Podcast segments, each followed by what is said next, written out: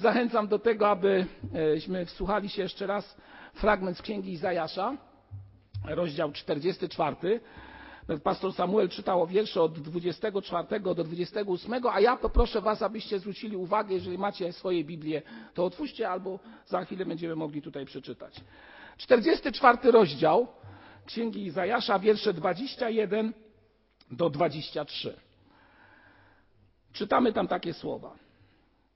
Pomnij na to, Jakubie, i ty, Izraelu, gdyż ty jesteś moim sługą. Stworzyłem cię. Jesteś moim sługą, Izraelu. Nie zapomnę o tobie. Starłem jak obłok twoje występki, a twoje grzechy jak mgłę. Nawróć się do mnie, bo cię odkupiłem Wykrzykujcie niebiosa, bo Pan to uczynił. Krzyczcie głośno, wy głębiny ziemi, wy góry, wybuchajcie okrzykiem radości. Ty lesie ze wszystkimi swoimi drzewami, gdyż Pan odkupił Jakuba i wysławił się w Izraelu. Piękne słowa. E, oczywiście, żeby rozważyć te słowa, trzeba troszeczkę spojrzeć na to, e, dlaczego te słowa zostały napisane.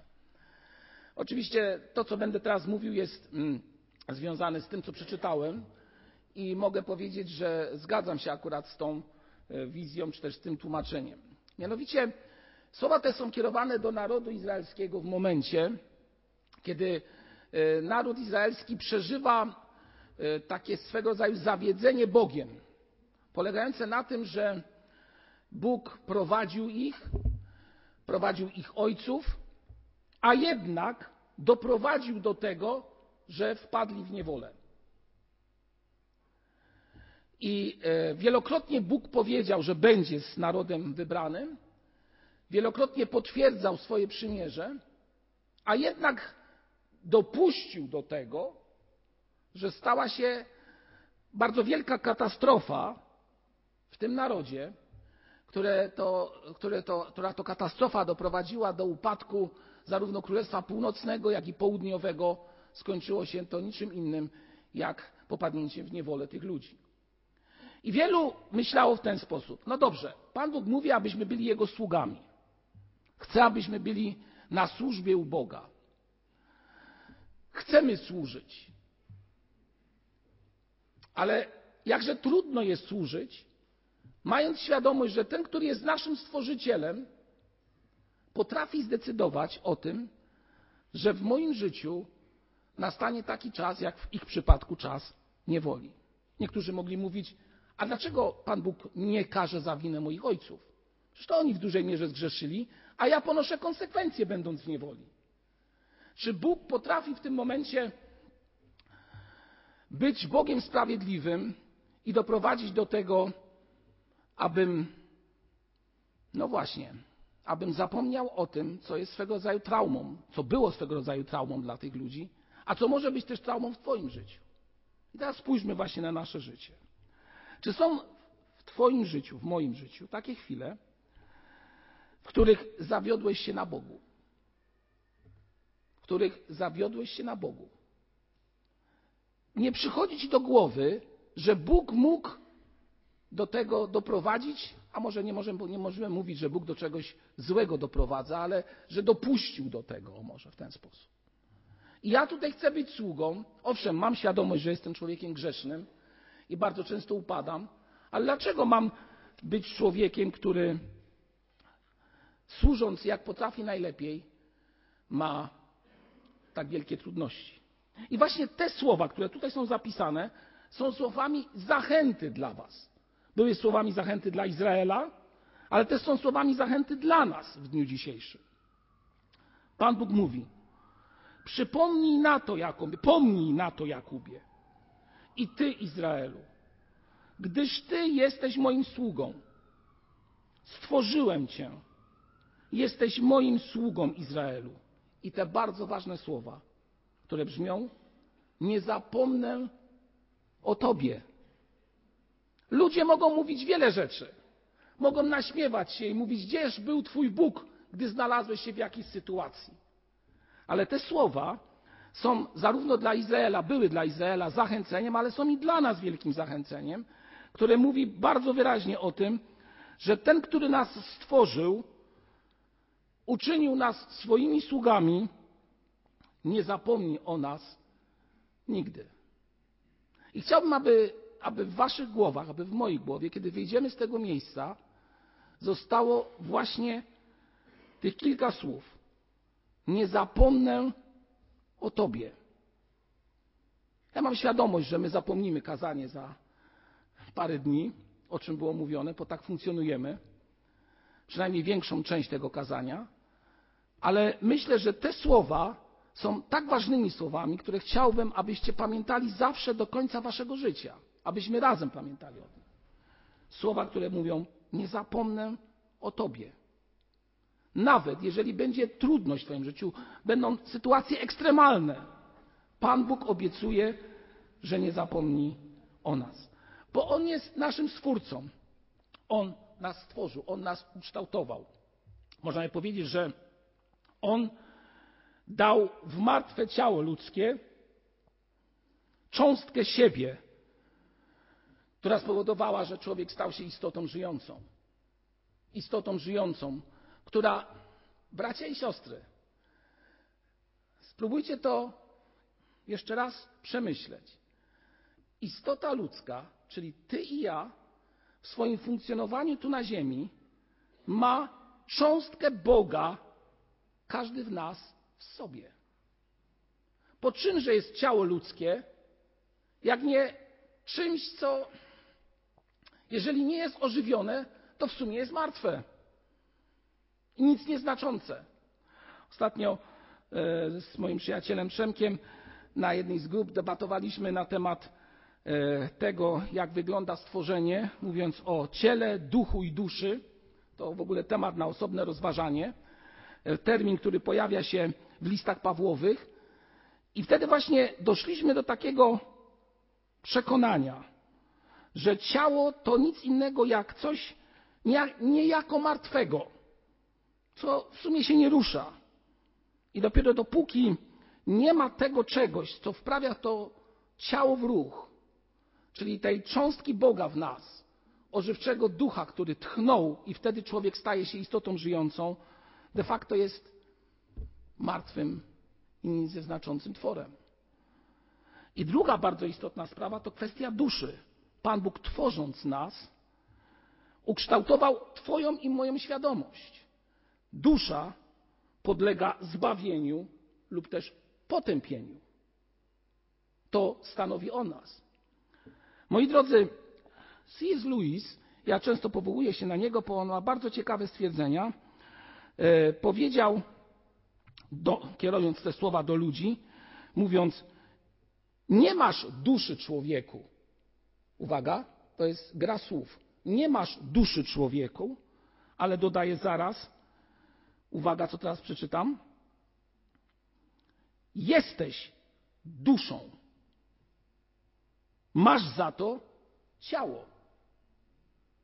Masz ciało, ale jesteś duszą. Jesteś tym, co stanowi o tobie. I to coś podlega zbawieniu lub też potępieniu. To, co jest w nas, stworzenie Boże. Zostaliśmy w sposób szczególny przez Boga wyposażeni. I teraz następne pytanie wynika z tego. Do czego zostaliśmy wyposażeni, kiedy Pan Bóg nas stworzył? Do jakich celów Pan Bóg chce Ciebie i mnie użyć? Do jakich celów? Zastanówmy się, jaki jest główny cel Bożego stworzenia? Jaki jest główny cel tego, że człowiek tutaj jest? Po co tu jesteśmy? Relacja z Bogiem. Kto jeszcze coś innego może dodać?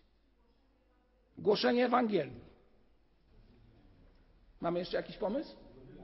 Uwielbianie Boga. I moi drodzy, to jest istota sprawy. Bóg stworzył człowieka, aby on go uwielbił. Czym ma Boga uwielbić? Całym życiem. Wszystkim, co robi. Nie uwielbieniem li tylko kiedy śpiewamy, ale całym sobą, każdego dnia. Masz ciało, ale dusza to jesteś ty. I tym czymś mamy Boga wielbić całkowicie, a ciało zachęcać, też pobudzać do tego, aby mogło też służyć nie swojej wygodzie, ale przede wszystkim uwielbieniu Boga. Nie wiem, jak sprawa wygląda w Waszym życiu, jeśli chodzi o to zrozumienie. Myślę, że warto jest na ten temat się zastanowić, przeczytać fragmenty Słowa Bożego i powiedzieć sobie tak szczerze, czy to, że zostałem przez Boga stworzony, wykorzystuję w pełni do tego, aby Boga uwielbić każdego dnia. W pełni. Czy też zajmuję się wieloma sprawami, które raczej służą zaspokojeniu moich potrzeb, typowo fizycznych i ziemskich. W języku hebrajskim słowo sługa, które tutaj spotykamy w 21 wierszu, gdzie jest powiedziane, gdyż Ty jesteś moim sługą, dosłownie znaczy, moi drodzy, gdyż Ty jesteś moim niewolnikiem.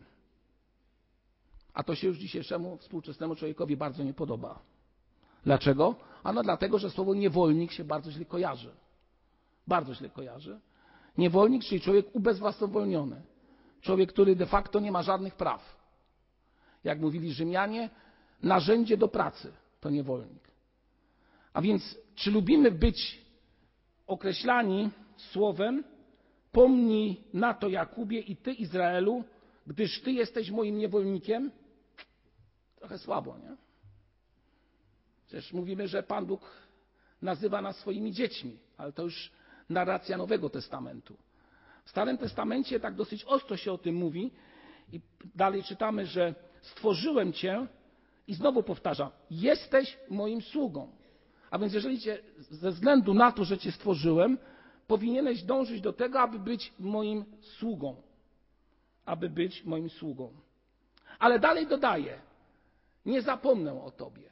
I tu jest właśnie ta niesamowita różnica, która powoduje, że z tekstu, który brzmi, byśmy powiedzieli tak trochę no, nieciekawie, nie, nie, pod, nie wychwala, czy też nie podnosi człowieczeństwa, lecz raczej e, sprowadza do pozycji niewolnika, koniec tego zdania brzmi: Nie zapomnę o Tobie.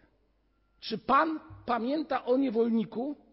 Pamięta wtedy, kiedy jest mu potrzebny do tego, żeby coś zrobił. A jak już zrobi, no to się nim specjalnie nie interesuje. A Pan Bóg mówi, że będzie pamiętał o nas zawsze. Zawsze. I nawet wtedy, kiedy Twoje występki, czyli jak gdyby przewinienia względem Boga uczynione, spowodują, że oddalisz się od Niego, to Pan Bóg mówi, że zetrze obłok Twojego występku i Twoje grzechy zetrze jak mgłę, która się pojawia. I teraz zwróćcie uwagę, że to są bardzo ciekawe słowa na określenie mm, sługi. Sługa jest e, opisany tutaj jako ten, który popełnia błędy. I mówiąc tak wprost, który jest człowiekiem grzesznym, który odstąpił od Boga, który się Bogu w jakiś sposób e, od Niego się odwrócił, jest człowiekiem, który od Niego odszedł. Zbuntował się przeciwko Bogu, moglibyśmy powiedzieć, albo jak to niekiedy takie terminy padają, związane z tym, e, że na przykład narody świadomie, świadomie odchodzą od Boga, tak? Świadomie rezygnują z bliskości Boga. To aberracja, czyli coś takiego, że człowiek rezygnuje z tego, co zostało mu dane. Rzecz charakterystyczna dla Izraela. Coś otrzymali i mówiąc tak kolokwialnie, mieli to w nosie czasami, tak? No co z tego, że dostaliśmy tyle błogosławieństw? Ważne jest to, żebyśmy mieli coś, ziemię Kanaan, żeby tam było dobrze, spokój na granicach i dobrobyt życiowy. Typowe zachowanie ludzkie. I to jest właśnie to odejście, to odejście, które powoduje, że zamiast być w bliskiej relacji z Bogiem, takiej relacji, która będzie się charakteryzowała e, bliską społecznością z Nim, przez modlitwę i przez wiele innych spraw, człowiek oddala się od Niego i zamiast służyć i uwielbiać Boga, staje w takiej pozycji, która e, owszem uznaje, że On jest, ale de facto człowiek zajmuje się sobą i tylko sobą. Coś daje Bogu, ale więcej daje sobie. I zamiast być stworzeniem, które uwielbia, stworzeniem, które dąży do zbawienia, świadomie idzie na zagładę. Moi drodzy, to jest niesamowita rzecz. Ja się czasami nad tym zastanawiam, jak to działa, że wielu ludzi, których spotykam na drodze swojego życia, którzy mówią, że uznają, że Bóg jest, że Bóg istnieje, świadomie rezygnują z służby dla Boga, która związana jest z uwielbieniem Boga każdego dnia, na rzecz, na rzecz tego, co jest doczesne, na rzecz swojego ciała, o którym mówiłem, że jest martwe. I zamiast budować swoją duszę, która podlega, tak jak powiedziałem, zbawieniu i potępieniu, raczej budują swoje ciało, które de facto jest martwe. De facto ciało to zwłoki, czy chcemy tego, czy nie. To jest termin epikuryjczyków. Pogan. Ale w rzeczywistości tak jest. A jednak człowiek świadomie rezygnuje z tego i zamiast być sługą Boga, odkupionym przez Niego, popada coś w swego rodzaju taką mgłę opady doczesności, które tak go już przygniotą i zapędzą w dół, że nie jest nawet w stanie widzieć Boga. Albo inaczej, wie, że ten Bóg jest, ale temu Bogu nie służy. To tak jak przychodzi pochmurny dzień. Dzisiaj mamy pochmurny dzień, tak? Wychodzimy na zewnątrz i co? No, smutno, szaro, buro. W Polsce często mówią, że jest tego bardzo dużo takich dni, a dni słonecznych jest mało. Ale każdy ma świadomość, kto leciał samolotem, że jak wyleci ponad te chmury, które są nad tym, to co tam dostrzeże? Słońce. I to tak samo jest w życiu człowieka. On wie, że tam jest Bóg, gdzieś tam z tyłu głowy to funkcjonuje, ta cząstka Boga w nim działa, ale te chmury, które są nad nim, codzienności, grzechu, trudności, które na niego spadają i wielu innych spraw spowodowały, że tego Boga nie widzimy. Nie dostrzegamy, że On jest. Albo jak mgła, która osiada i powoduje, że też niczego człowiek nie jest w stanie widzieć. Zresztą o tym tutaj Pismo Święte mówi. Bóg mówi do Izraela, chociaż jesteście pod tym obłokiem trudności, które was spotkały, niewoli, w której jesteście i wielu innych spraw, jesteście pod chmurami, czy też pod obłokiem występku, który dotyczy Twojego ciała, to Pan Bóg mówi: nawróć się do mnie, bo ja chcę zetrzeć to wszystko. I chcę, żebyś mnie faktycznie widział i dostrzegł moją miłość do Ciebie. Moją miłość do Ciebie. Bo ja Cię stworzyłem, bo Ty jesteś moim sługą. Bo Ty jesteś moim sługą. Czy faktycznie w naszym życiu te promienie Boga są widoczne? Czy też codzienność, w której jesteśmy, skutecznie zasłoniła obraz Stworzyciela? Czy faktycznie jako słudzy Jego każdego dnia czerpiemy siłę z blasku Jego obecności? Tak jak człowiek czerpie siłę ze słońca, słońce powoduje, że wiele rzeczy się odradza na wiosnę.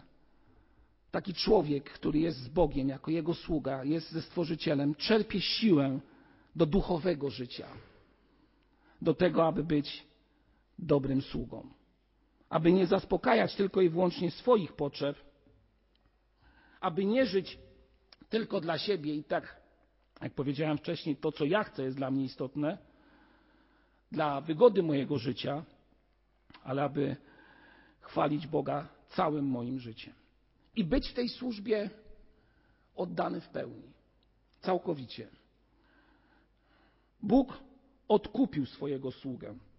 Tutaj czytamy: nawróć się do mnie, bo cię odkupiłem.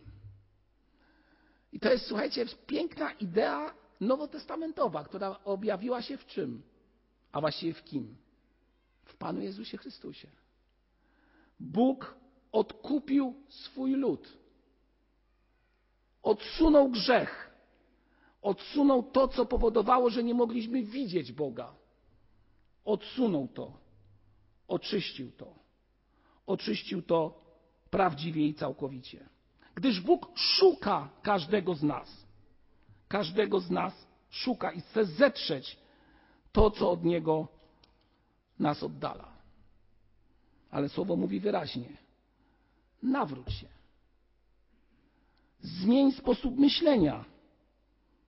Wróć do źródła. Przestań, tak jak czytaliśmy tutaj, e, brat Samuel czytał o tym, że e, Bóg unicestwia znaki kuglarzy, a z wróżbitów, czyniąc głupców, to wiersz 25, odprawia mędrców z niczym, a ich mądrość zamienia w głupstwo. Bóg jest Bogiem takim, który potrafi przeprowadzić człowieka nawet przez takie próby i takie uproszczenia, które dzisiejszy świat bardzo często dla ludzi do ich głów wkłada. To tak jak w przypadku osoby chorej. Na początku, gdy człowiek jest wierzący, to modli się do Boga. I ten, który prawdziwie wierzy, będzie się do Boga modlił z wiarą do końca, na dobre i na złe chwile. Będzie modlił się do Boga nawet wtedy, kiedy będzie miał świadomość, że ktoś umiera. Dlaczego się będzie modlił do Boga?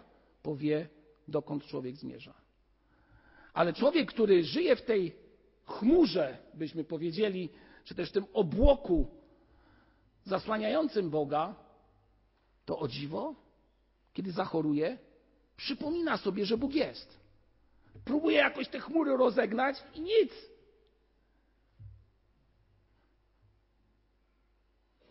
W myśl zasady, którą wszyscy znamy, jak trwoga to do Boga. A więc jak mu nie uda się rozegnać też, usunąć tych chmur i mgły codziennego życia i grzechu, a dopóki nie ma odkupienia i przebaczenia i wyznania grzechów, nie jest w stanie tego uczynić, to gdzie idzie? Do tak zwanych miejsc zastępczych, delikatnie to określę. I tam szuka pomocy. I nagle okazuje się, że współczesna inteligencja i humanizm, który panuje, nie ma niczego, nic dla niego nie znaczy. Bo ktoś tam w lesie albo ten, kto tam się zajmuje jakimiś innymi rzeczami w mieście paranormalnymi, teoretycznie może pomóc. I moi drodzy, tłumy chodzą. Dużo ludzi tam chodzi. Dlatego, że nie widzą jednej podstawowej rzeczy. Że są stworzeniem Bożym, a ciało to jest to, co masz na jakiś czas, co nie odziedziczy wieczności. A my byśmy chcieli najlepiej, żeby te nasze ciało też i tą wieczność odziedziczyło, tak? Stąd też do starości upiększamy to ciało. Nie jest złe samo w sobie. Ale z drugiej strony, jeżeli poświęcimy temu wszystko, to zaczyna się robić już kłopot. A więc moi drodzy, wracając do naszego tekstu, Pan Bóg obiecuje, że zetrze wszelkie winy i znowu będziemy mogli być Jego sługami, którzy w pełni i całkowicie będą mogli służyć Jemu we wszystkim. A co to znaczy być sługą Jezusa Chrystusa? To jak gdyby kolejna myśl z tego rozważania dzisiaj. Przez najbliższe rozważania, które tu będę prowadził, z Bożą pomocą będę chciał właśnie mówić o tym, co to znaczy być sługą Jezusa Chrystusa. Sługą Jezusa Chrystusa. Powiedzieliśmy wcześniej o tym, że ten, który jest Jego stworzeniem, powinien przede wszystkim Boga uwielbiać. Powinien Bogu oddawać chwałę prawdziwie i szczerze. Sługa Jezusa Chrystusa to także ten, który w szczerości swojego serca chce pomóc drugiemu człowiekowi uwielbia Boga, a to pobudza go do tego, aby służyć drugiemu. Znacie tą zasadę, która jest zapisana w liście do Efezjan? Łaską zbawieni jesteście? I to nie z nas, tak? Przeczytajmy ten fragment. Drugi rozdział listu do Efezjan, ale dziś przeczytamy wiersz dziesiąty. A tam jest powiedziane tak. Jego bowiem dziełem jesteśmy, albo jak niektórzy mówią, Jego stworzeniem jesteśmy, stworzeni w Chrystusie Jezusie do dobrych uczynków, do których przeznaczył nas, nas Bóg, abyśmy w nich chodzili. Bóg przeznaczył nas do czegoś, jak mamy chodzić, dokąd mamy chodzić i co mamy robić. I na przykład, gdy rozmawiam z ludźmi, którzy przychodzą tutaj do naszego kościoła, mówią, protestanci to wszystko uprościli. Łaska i do widzenia. Ja mówię, nie, nie, nie, tu jest napisane wyraźnie. Łaska jest najpierw, ale potem jest życie. Mamy dobrze czynić. Sługa to ten, który troszczy się o drugiego człowieka, o bliźniego. Jesteśmy przeznaczeni do tego, aby jako Boże stworzenie, aby uwielbiać Boga, ale też służyć drugiemu. Myślę, że mogę powiedzieć takie słowo: Bogu się to podoba. Oczywiście rodzi się pytanie, czy faktycznie służymy i chcemy pomagać. I tak jak mówi y, przykazanie Boże, albo właściwie kompendium przykazania Bożego, zawarte w 22 rozdziale Ewangelii Mateusza, miłuj bliźniego swego jak siebie samego.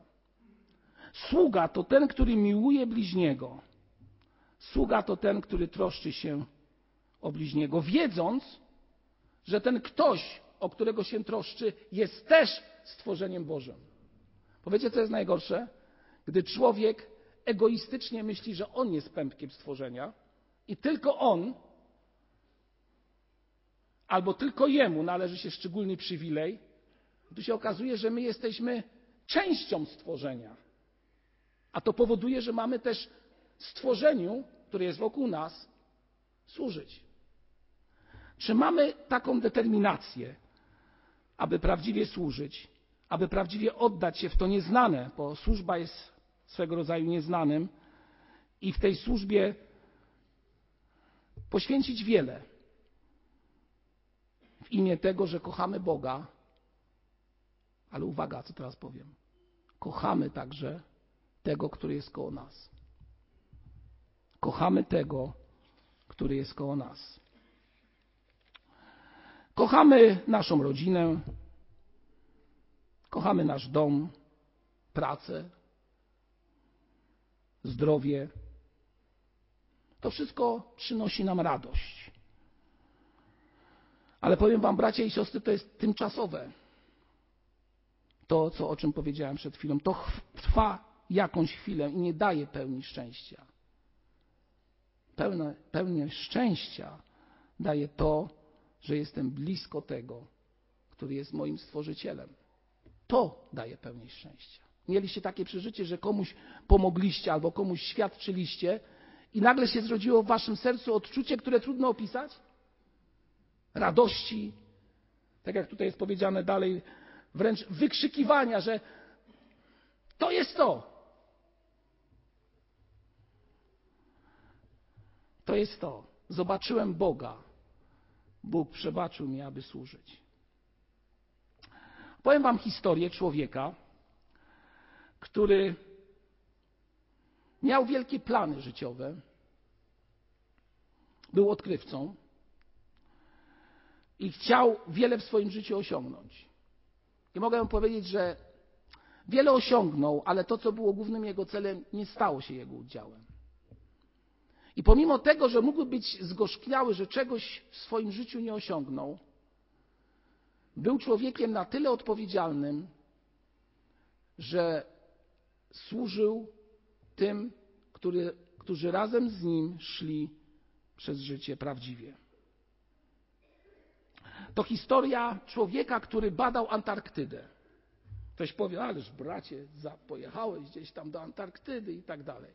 Ale to historia prawdziwa. Na początku XX wieku rozpoczął się wielka, rozpoczęła się właściwie wielka batalia, prawie że zawody byśmy powiedzieli, wśród ludzi, zamożnych ludzi, aby odkryć dojście do bieguna południowego. Wychodziły różne wyprawy. Wielu ludzi ginęło, nie dotarwszy tam do tego miejsca. Wielu ludzi marzyło o tym, ale tego nie osiągnęło. Dopiero w 11 roku, w 1911 dokonano tego dojścia. Właściwie dwóch ludzi, Amundsen i Stott, tam dotarli. Jeden w 14, drugi w 15 roku. Ale to nie o to chodzi. Wróćmy do tego człowieka. Ten człowiek wyruszał na różne wyprawy. Był między innymi w 1907 roku dowódcą wyprawy na biegun południowy, czyli cztery lata przed jego zdobyciem. Ale dotarł 180 kilometrów tylko przed tym biegunem i musiał się wycofać, gdyż warunki nie były sprzyjające i brakowało żywności. To go nie przeraziło. Nie przeraziło go także to, że w 11 roku już ktoś zdobył to, co on, o czym on marzył. Postanowił, że wyprawi się ponownie. Wyprawi się ponownie, aby przejść kontynent, ten najbardziej na południe, wszerz, w tym najcięższym miejscu pomiędzy dwoma morzami, który tam się właśnie znajduje. I ten człowiek zwerbował 28 ludzi, aby z nim tam popłynęli. I zobaczcie, jak ten werbunek następował.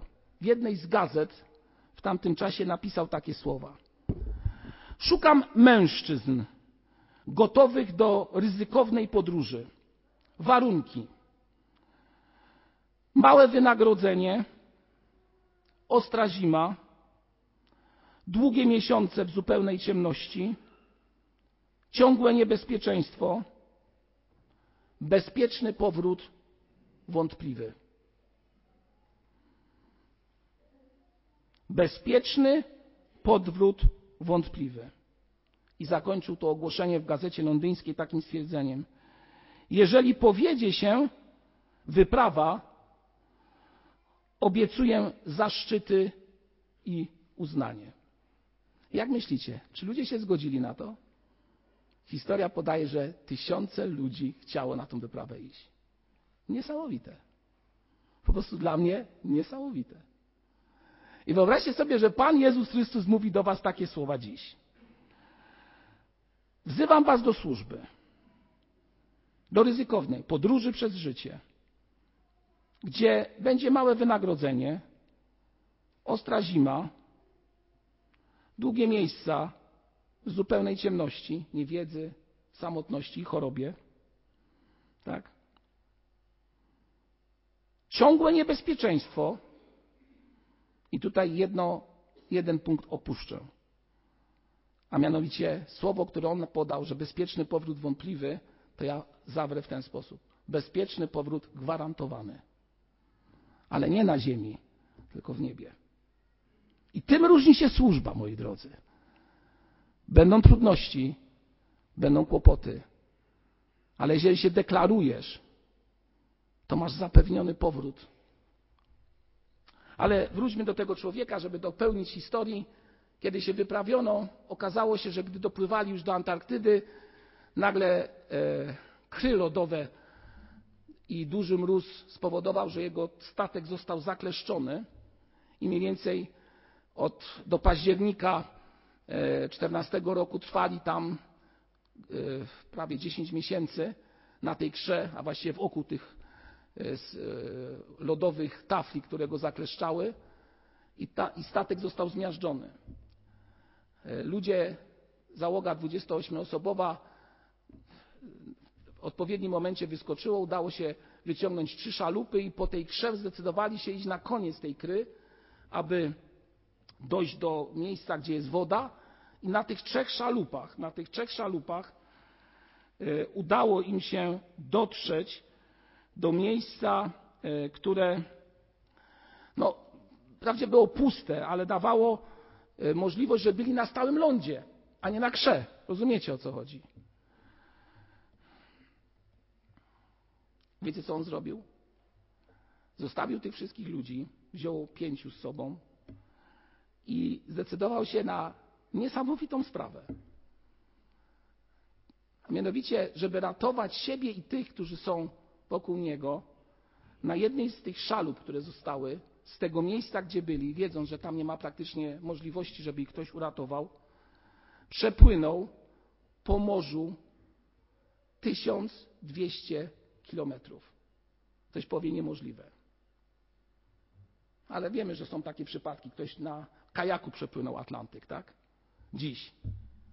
Jak mu się to udało, nie wiem. Ale to nie było wszystko. Ten człowiek dotarł do miejsca, gdzie byli przekonani, że znajdą się w osadzie wielorybniczej, ale dotarli ze złego miejsca.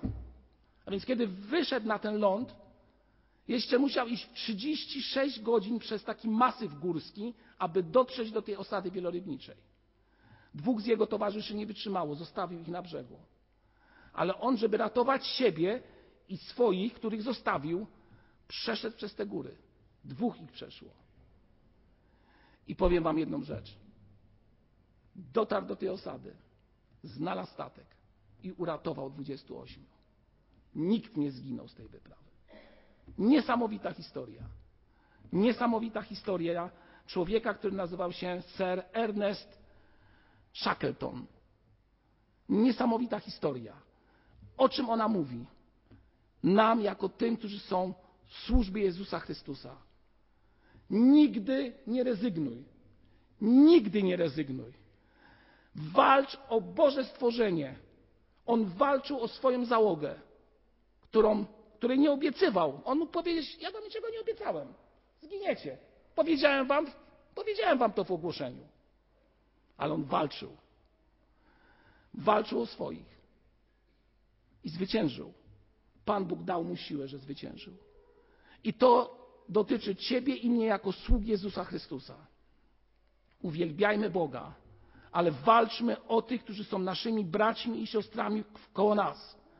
Walczmy o ich duszę. Walczmy o ich zbawienie. Walczmy, aby też stali się sługami Jezusa Chrystusa, pomimo tego całego świata i mgły, która wokół tego świata krąży. Aby byli wyzwoleni z grzechu, aby byli wyzwoleni z niewoli, jakakolwiek ona jest, aby byli uratowani. To może zrobić sługa Jezusa Chrystusa, czyli ty i ja. Trzeba tego chcieć. Albo inaczej, trzeba prosić Boga, aby dał ci tą determinację i siłę i zmienił Twój umysł tak, abyś wiedział, jaki jest cel Twojego bycia tu na ziemi. Pobycie na ziemi to niedoczesność i zaspokojanie tego, co dotyczy mojego ciała, ale służba Bogu i bliźniemu. Amen.